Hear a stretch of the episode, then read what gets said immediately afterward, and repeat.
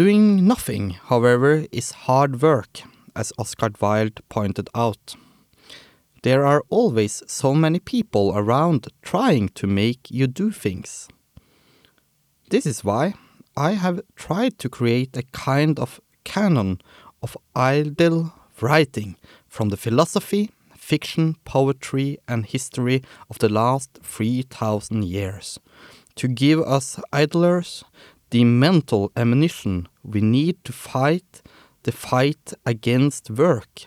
The sheer number of great idlers in history proves also that we are not alone.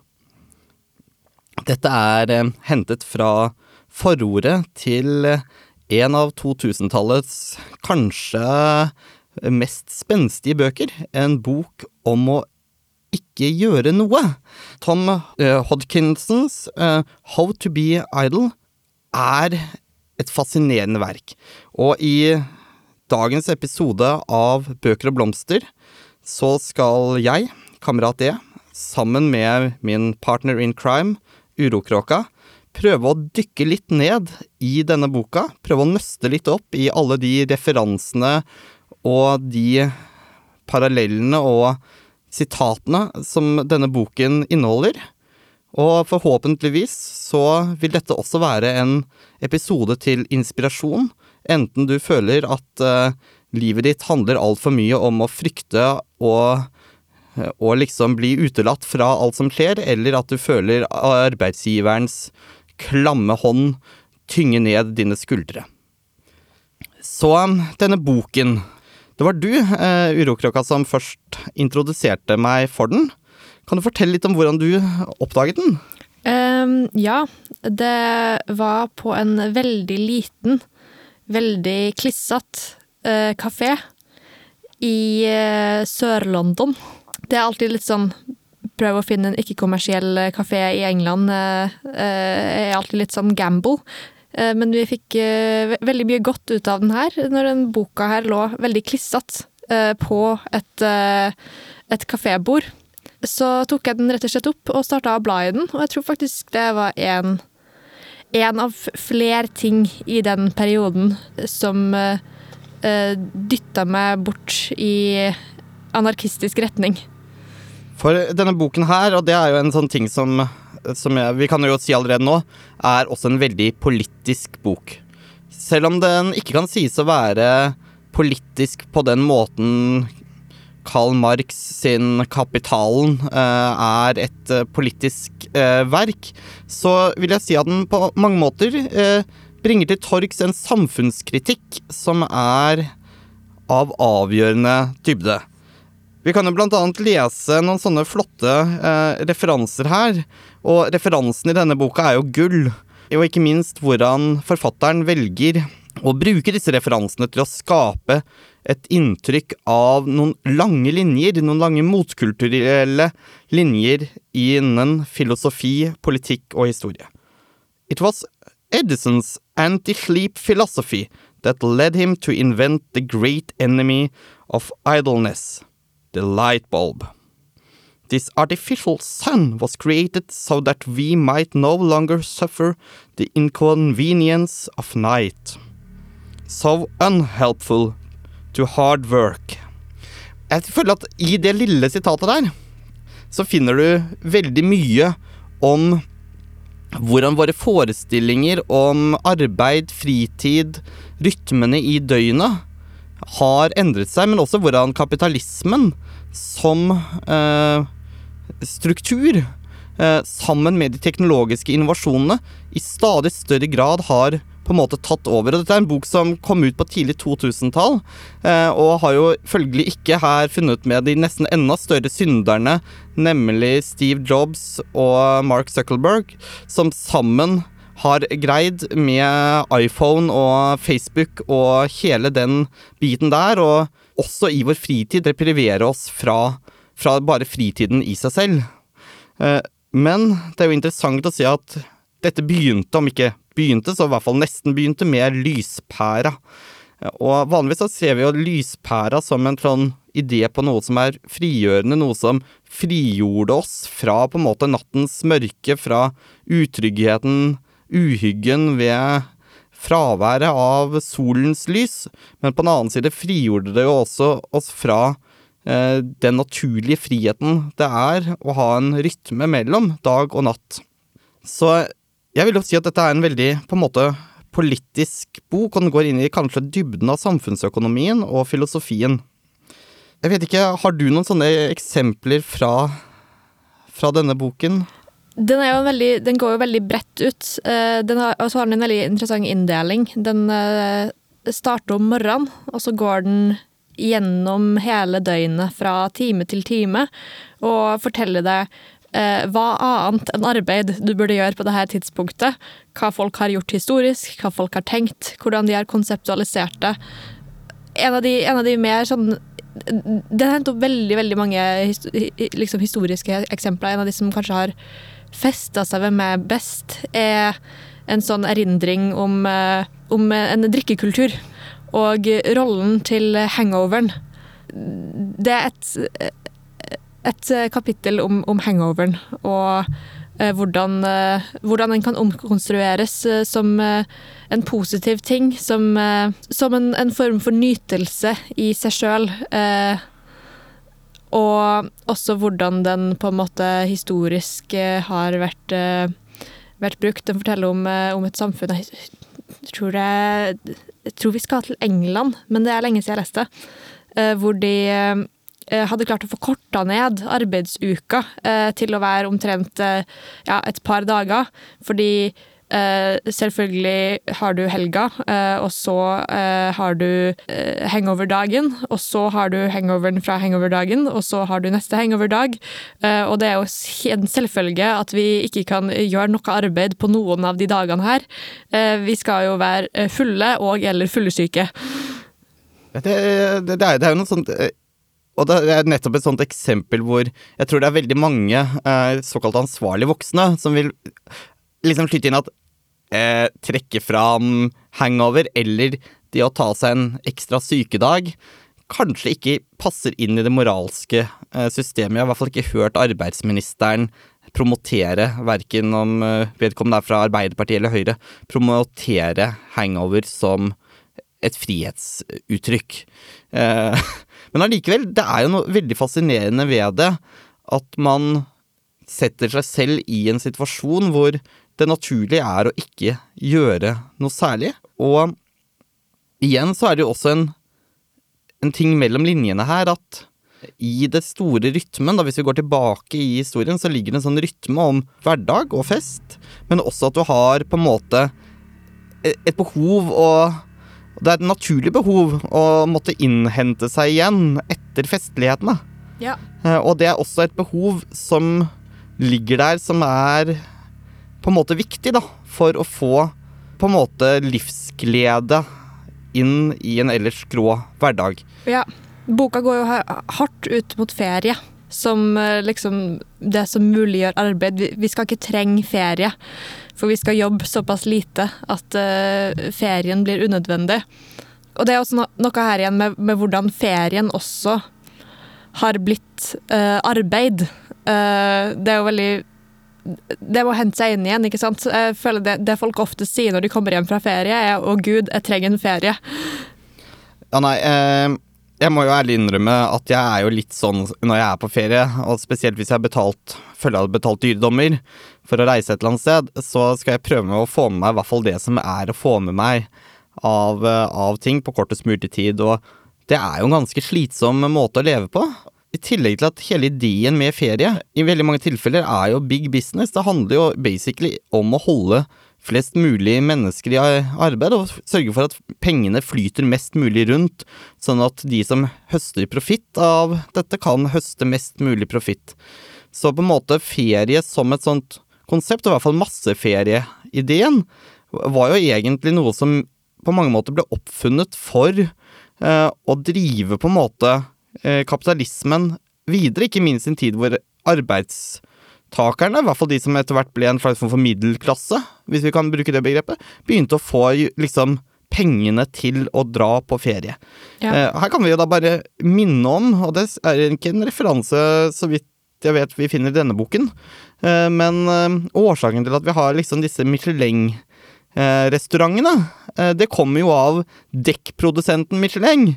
Eh, Så lite kulinarisk det kan høres ut med vulkanisert gummi, eh, så er det jo, eh, var det jo slik at for at man skulle få solgt flest mulig bildekk, og kunne også opprettholde flest, mange, eh, flest mulig servicestasjoner for skifte av bildekk, så gjaldt det å få eh, pariserne eh, ut på landeveien.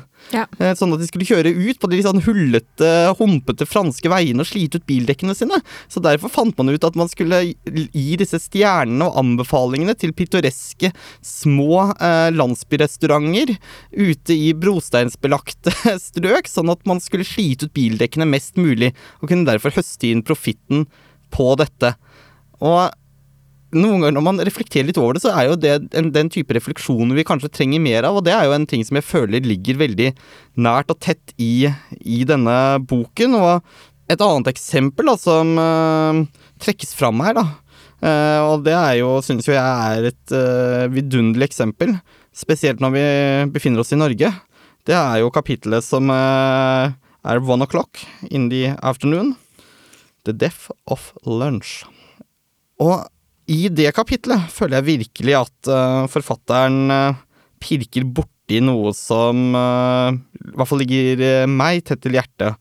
Og jeg kan jo lese litt her. I have a vague notion that once upon a time, not so long ago, lunch Og her er det bare viktig at vi understreker at dette her er skrevet fra et engelsk perspektiv, og ikke fra liksom norske matpakkelunsjen, bare sånn vi har, har det. Was a meal to be enjoyed. The midday meal was an occasion to be deliberated over, shared with friends and colleagues, savored, taken over two or three hours. It was a time for gossip, laughter, boozy. It was a dreamy oasis of pleasure which took the edge of the dreary afternoon and was to be looked forward to during the busy morning. Altså, her har vi det frigjørende med lunsjen, oasen i, i hverdagslivet. Og eh, jeg må jo si at eh, i hvert fall hvis man tenker litt sånn kontorarbeid eller en dag full av møter og hektisk aktivitet, så er det få ting som er så godt som å nyte en bedre lunsj. Spesielt hvis lunsjen har en sånn litt vag tid, sånn at lunsjen kan vare én time, to timer, tre timer. Men det kan også, sånn som det trekkes fram her, da, i de, og eksempelet til forfatteren går jo her mer inn på de mer ikke så urbane strøk i Frankrike, hvor det ikke på til 2000-tallet engang var helt uvanlig at lunsj kunne fort vare hele ettermiddagen. For hvis lunsjen var god, og man hadde mye å snakke om i lunsjen, så var det jo ingen grunn til å gå tilbake på jobb. Da burde man i stedet heller bestille seg eh, en flaske øl eller en flaske vin, sånn at eh, lunsjen kunne eh, fordrive arbeidet enda litt lenger utover i de små timer. Og så er det noe med Det er jo ikke det at, at ting ikke skjer, og at ting ikke blir gjort, men at de tingene som faktisk må gjøres, de tar det ganske kort tid å gjøre, og de gjøres gjerne bedre eh, på litt sånn spontant eh, fem minutter i en eh, fire lunsj enn eh, de gjøres på kontoret. Det, det, det, det handler mye om det, for Og det er jo en sånn, sånn ting som man kan si som et litt sånn obs-obs. Dette er jo ikke en bok som er naturlig antiproduktiv, i den forstand. Den er bare kanskje litt antiproduksjon. Ja. Og ideen om at vi skal være produktive i åtte timer hver eneste dag, med unntak av en halvtimes lunsj, den er ikke særlig helsefremmende. Snarere tvert imot. øh, Og den er heller ikke nødvendigvis særlig produktiv, kreativ. Hvordan skal man være liksom kreativ fra klokken åtte på morgenen til klokken elleve? Ha en halvtime avbrekk fra kreativ kreativiteten? Eh, hvor du skal krangle med kaffeautomaten på jobb, for så å fortsette å være på kommando, kreativ, eh, de neste liksom timene, fram til du må stresse av gårde for en sånn rushtrafikk hjem i, i tre-fire-tida på ettermiddagen. Jeg tror at eh, bedre lunsjkultur er jo noe som egentlig er et savn i Norge, og det her vil jeg si at det Gerhardsenske idealet, som jo ikke egentlig eh, er helt rettferdig å beskylde Gerhardsen for personlig, eh, nemlig matpakkekulturen, er jo en sånn idé om at lunsjen på et eller annet vis er noe som du kan, og i hvert fall har blitt i nå i moderne tid, noe du kan gjøre veldig enkelt. Eh, og det er det, det, liksom det enkle, det trauste, men også i det ibakt en klar arbeidsetikk. Og det er jo en av de tingene som blir virkelig gjennomgående kritisert, er på en måte denne arbeidsetikken, den, hvis vi kan si det sånn, eh, sammen med Benjamin Franklin og, og Thomas Edison, så er det jo også en klar kritikk til alle som eh, behandler en viss Maximilian Weber som en slags form for gud, da. Og i hvert fall de som forherliger det Weber mente å identifisere som den særegen protestantiske arbeidsetikken, hvor arbeid og pietisme eh, går hånd i hånd. Vi kan jo si at Hodgkinsons på en måte, hva skal vi si da?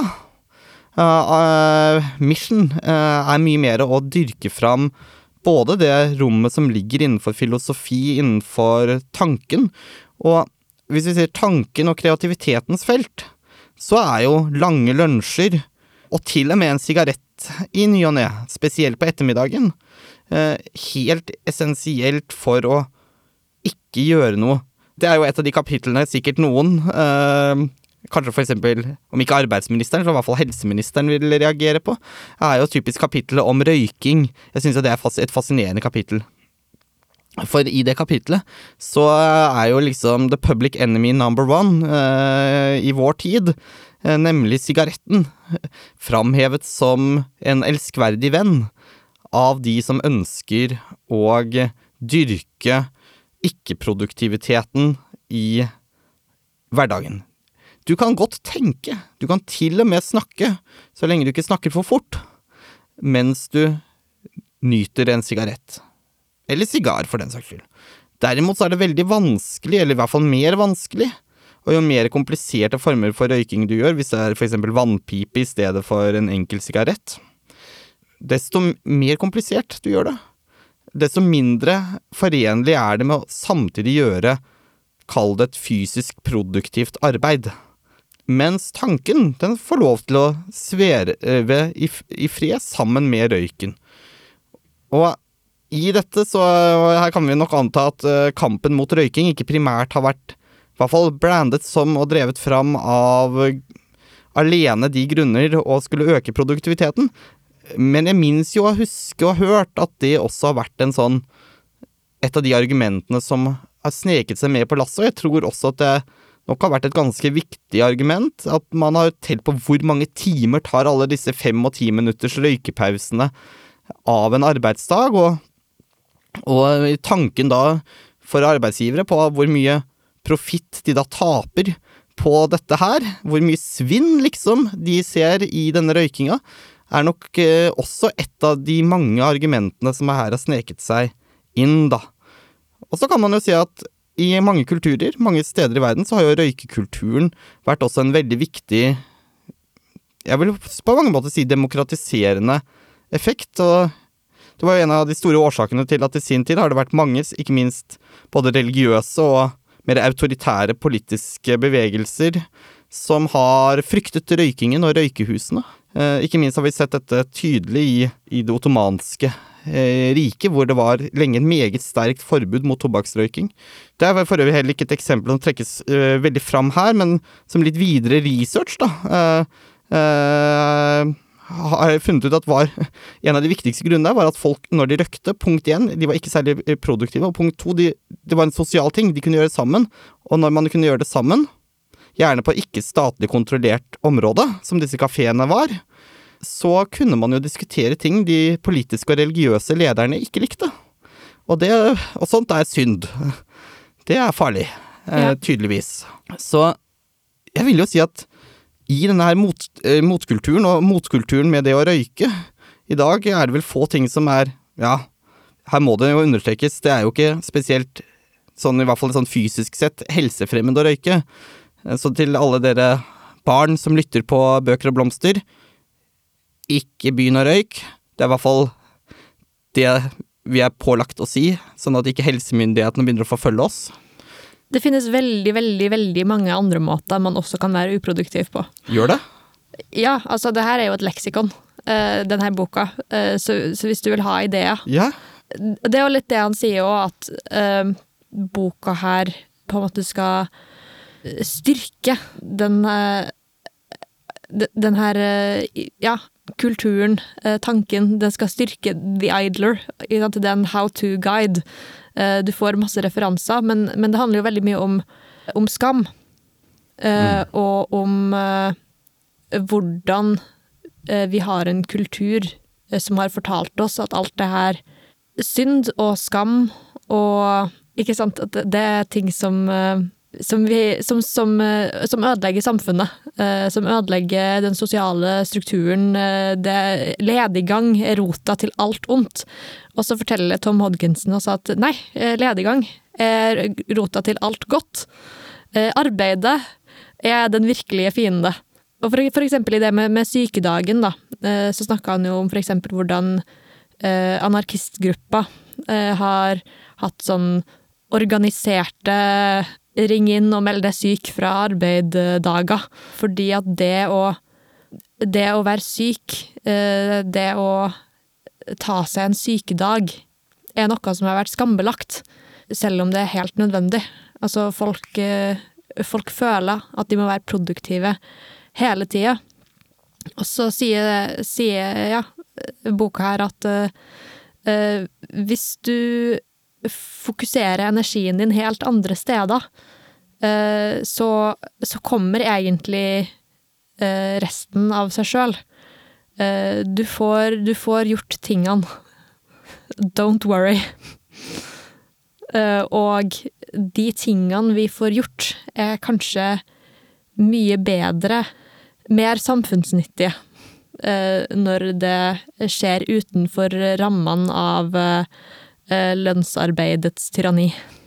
Og, der, og der tror jeg jo det, det er jo en sånn ting som ligger veldig, veldig opp i dagen her, men Og det er jo in, veldig interessant å se at på en måte dette arbeidsevangeliumet, da, eh, produktivitetsevangeliet, har på en måte fått lov til å dominere såpass mye som det har. For det har jo visselig vært en del eh, motstemmer, eh, og som du nevner, så er jo dette her en Jeg vil ikke kalle det en selvhjelpsbok, men på et samfunnsplan en slags form for selvhjelpsbok, og det er jo en how to-guide. Eh, men referansene her er jo, vil jeg si, om ikke talløse, det er litt for stort, men det er i hvert fall veldig mange, og jeg kan jo bare nevne noen av de, de på en måte filosofer og forfattere og personligheter da, som er referert til. da. Uh, her og det er spenner jo da fra Friedrich Nietzsche, Oscar Wilde, og så har vi lord Byron, og vi har George Orwell, og vi har Proudot. I tillegg til en hel liten bråte av antikke filosofer, teaterskribenter og andre som uh, har vært med på å liksom legge grunnlag for mye av vår tenkning. Vi, men vi har jo også eh, personligheter som Quentin Crisp, er jo sitert her. Så det, det har jo vært en lang, lang rekke tydelige øh, øh, mennesker som har kjempet for, på en måte, retten til å ikke være nødvendigvis produktiv og heve seg over produktiviteten, eller fordype seg i, i tanken, eller fordype seg i i det dekadente, eller i Eller til og med omskrevet eh, dekadensbegrepet, sånn som for eksempel Nietzsche på et eller annet vis gjorde, med at det mest dekadente var jo nettopp bare den å følge på en måte strømmen, og ikke skulle stille spørsmål ved på en måte det moderne samfunnets idé og ideal, og idealisering over produktivitet. Eh, så, så jeg syns jo det er en sånn veldig sånn fascinerende, på mange måter også en sånn introduksjon til til lesning, eh, og også nylesning, av for eksempel eh, Nietzsche eller Oscar Wilde. Som man jo kanskje kjenner fra studier i filosofi eller litteratur, eh, hvis man holder på med den slags. Kanskje man til og med har dumpet borti dem på særemne på videregående. Hvis det finnes fortsatt. I hvert fall alle de som er like utgamle snart som det jeg er, har mm, hatt særemne. Og så tror jeg det er en sånn Det er jo noe på en måte viktig bevissthetsgjøring over at dette her er jo ikke noe som bare kommer fra ett sted, men det er mange impulser som har på en måte støttet opp om, kall det motkulturen, eh, og antitesen til på en måte arbeidsetikken. Hele vår kultur, hele vårt samfunn, er ikke basert på landsarbeidet. Det er basert på motstanden mot det. På pauser og på drømming og på skulking er det jo egentlig som står her. Så er det noen sånne ting, eh, det trekkes jo også litt fram i denne boken, men som også er sånn interessant å tenke på, er jo, er jo sånn at enkelte år i det gamle, antikke Rom kunne man jo for eksempel, eh, spesielt hvis da keiseren hadde vunnet noe slag et eller annet sted ute i noen provinser, så kunne man jo fort ende opp med å ha flere festdager. Flere dager med påtvunget fri enn dager med arbeid gjennom et år. Også i middelalderens Europa, den mørke perioden, som vi ofte liker å omtale det som, eller i hvert fall det har vært en mote å omtale det som, i, i liksom i den modernistiske periode, var det jo ikke uvanlig at en vanlig gårdsarbeider kunne jo fort ha ja, tre-fire timer med arbeid hver eneste dag, og de resterende av timene på et eller annet vis fri. Eh, og så kan man spørre hva gjorde man på den fritida? Det er jo et annet komplisert spørsmål, og det varierte jo litt. Eh, men eh, man hadde jo også da, eh, i, i Europa, til og med etter reformasjonen, langt, langt flere helligdager i løpet av året enn det vi har i dag. Og dette er jo noe som systematisk egentlig har blitt fjernet de siste 300-400 åra. Helligdag for helligdag har forsvunnet, og vi kan jo si at det har jo kanskje vært bra at det har kommet religionskritikk, men å fjerne disse helligdagene, fjerne fridagene, den har jo vært en veldig interessant, egentlig, eh, ting. For til og med de mest hardbarka ateistiske kommunistene jeg kjenner, så er det jo veldig få av dem som vil fjerne søndagen, liksom. Eh, og mye fordi at det også er viktig med disse fridagene for å nettopp kunne drive og organisere imot da, kirken og staten og alle de andre. Og så har vi jo i England eh, bank holiday. Ja, Det er veldig gøy. Jeg prøvde å ta en lokalbuss på en bankholiday. Jeg skal ikke fortelle den historien. Uh, men uh, det, får bli en annen gang, men jeg kan si at det var en, en, utfordring. Men jeg vil jo si at den er konstruert opp nesten litt sånn som, som ferien. Altså, det her er en fridag uh, som kommer kapitalmakta til gode. Det er bra for banken å ta pauser innimellom. Derfor skal vi gjøre det. Det handler ikke om Gud. Og så er det jo én uh, ting, urokråkene har når, når, jeg nå har deg i studio her, da, uh, og vi snakker om denne boken her. Det er jo et kapittel som Det er mange kapitler, jeg synes nesten alle kapitlene har sin sjarm og det, men det var et kapittel som gir meg sånne assosiasjoner også til den lange tradisjonen av bohemer. Vi har liksom fostret eh, her på berget i Norge. Og det er jo kapittel seks på ettermiddagen, også kjent som First Drink of the Day. Og her kommer vi jo inn, jeg kan jo lese litt, da. Så skjønner kanskje lytteren allerede nå litt hvor dette her bærer. Absinthe is a very strong green spirit. It can be 60 to 70 percent in strength. The French grew an absinthe habit of epic proportions. In 1874, they drank 700,000 liters of absinthe a year. In 1910, that figure had risen to 36 million liters. In Paris, in the late 19th century, simply Total Le Monde was sitting outside cafes sipping at a powerful spirit. Absinthe lights up the salty soul, wrote the decadent poet Charles Cross. Aha, absinten!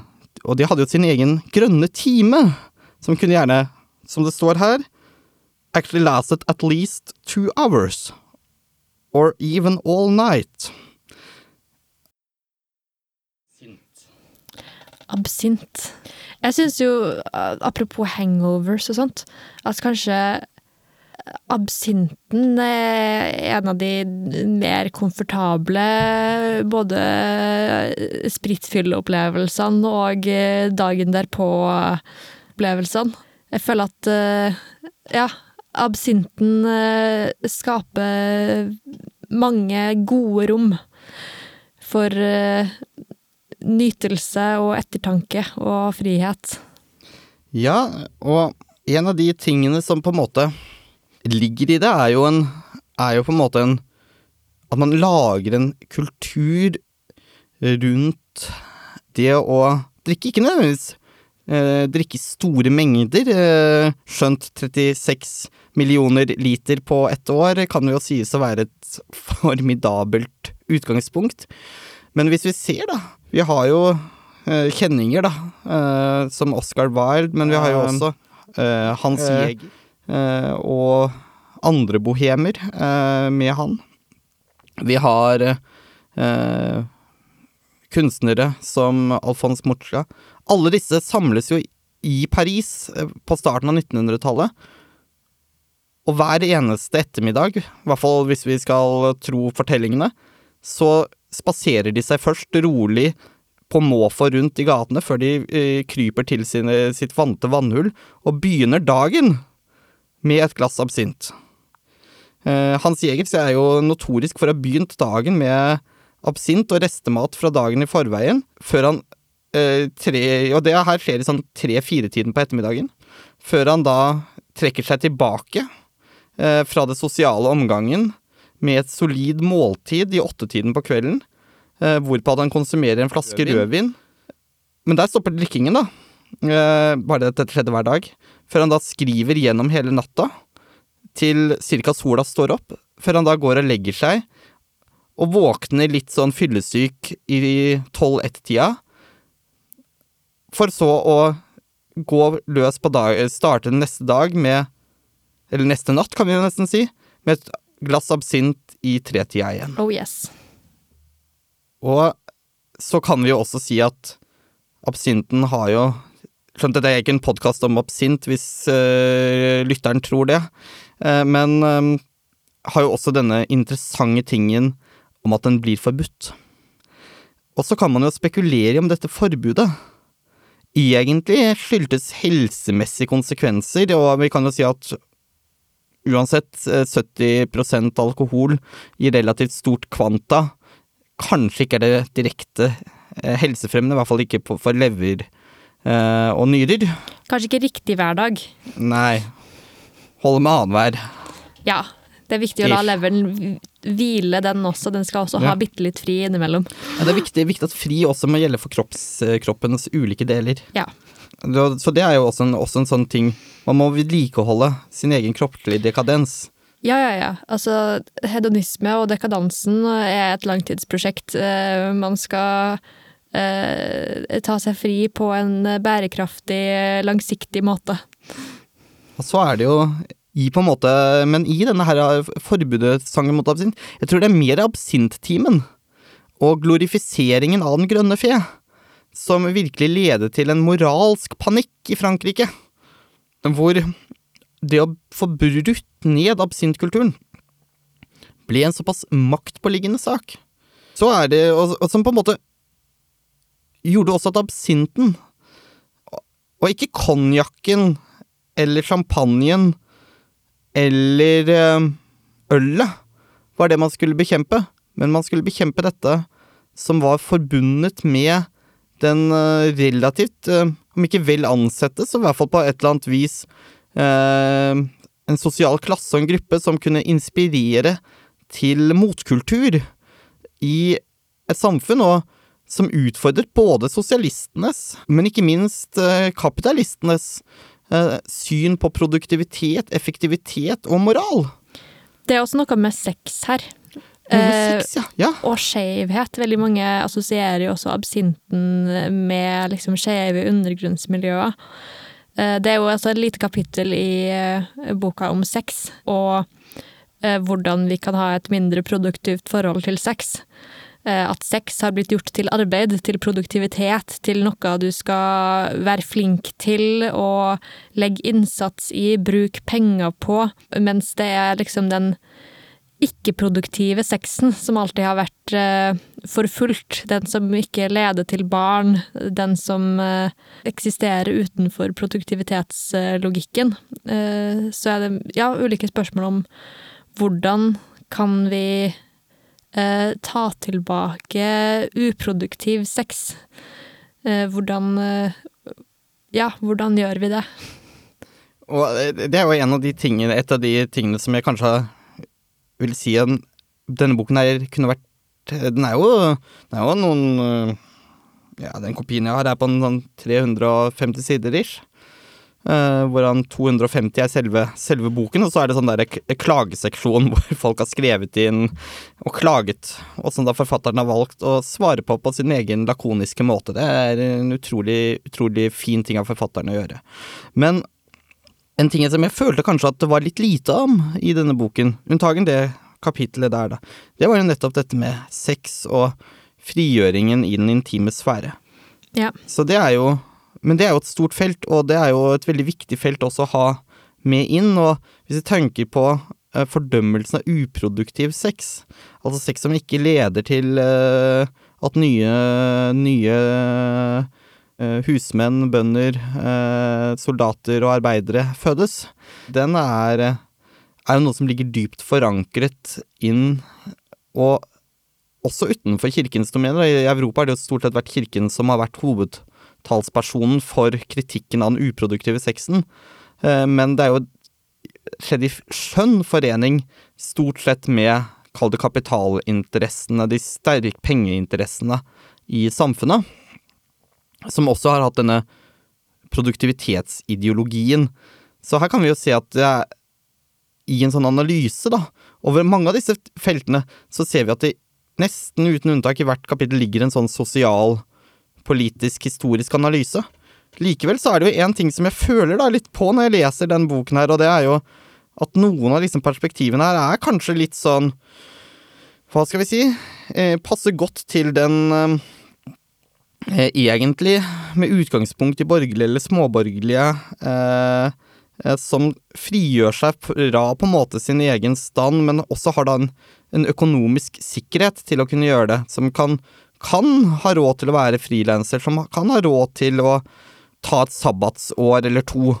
Ja. Og her ligger det også en sånn eh, tanke og idé i i, i, denne boken, og, hvor det også på et eller annet vis kanskje kommer litt fram en sånn underliggende konflikt, og i hvert fall reflekterer jeg over det, hvor vi ser at det er mange, ikke minst i arbeiderklassen, eh, og i de mindre vel bemidlede lag av samfunnet, som også føler en sterk avsmak fra denne kultureliten som kan uh, ta seg en champagnelunsj eller sove til klokken ett på, uh, på ettermiddagen og og på en måte leve det kall det dekadente og bohemske livet. Vi ser også en massiv kritikk her i Trondheim, mm. ikke minst i pressen, av de ville studentene. Studentene som jo på mange måter, i hvert fall hvis du går på Dragvoll, eh, fortsatt kan ha mulighet til å leve et ganske så fritt liv. Det er jo øh, mange eksempler i boka på øh, at eh, arbeider... Det har vært rom for den type frihet blant arbeiderklassen på mange tidspunkter, i mange ulike situasjoner. Jeg vil si at det, boka har har tips til, til folk i alle samfunnslag og situasjoner om hvordan man kan få mer fri. Eh, men den bærer jo definitivt preg av forfatterens identitet og bakgrunn, selv om den også er Den er jo basert på eh, magasinet The Idler, eh, som er et anarkistisk magasin som Tom Hodkins var redaktør for. Så det er jo Mange av, mange av tekstene og perspektivene kommer jo fra uh, ulike folk, da, også, som har skrevet inn til det her magasinet opp gjennom 90-tallet. Så det er jo litt, litt ulike perspektiver inn nå.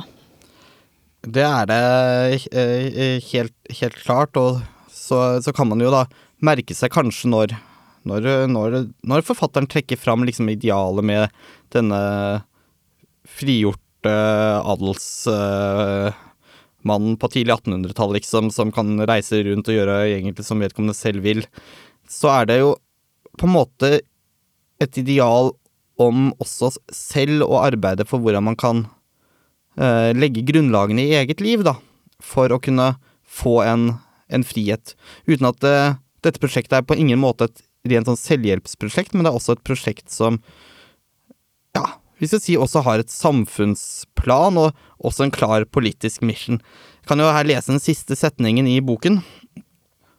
I have a dream. It is called love. Anarchy. Freedom.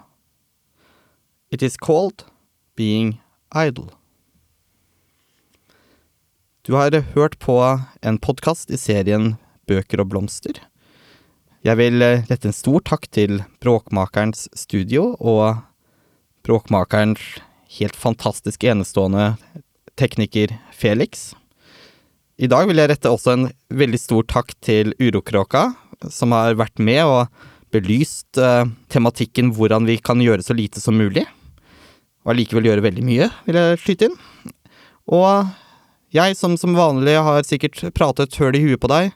Meg kan du kalle kamerat E. Tusen takk for at du lytta.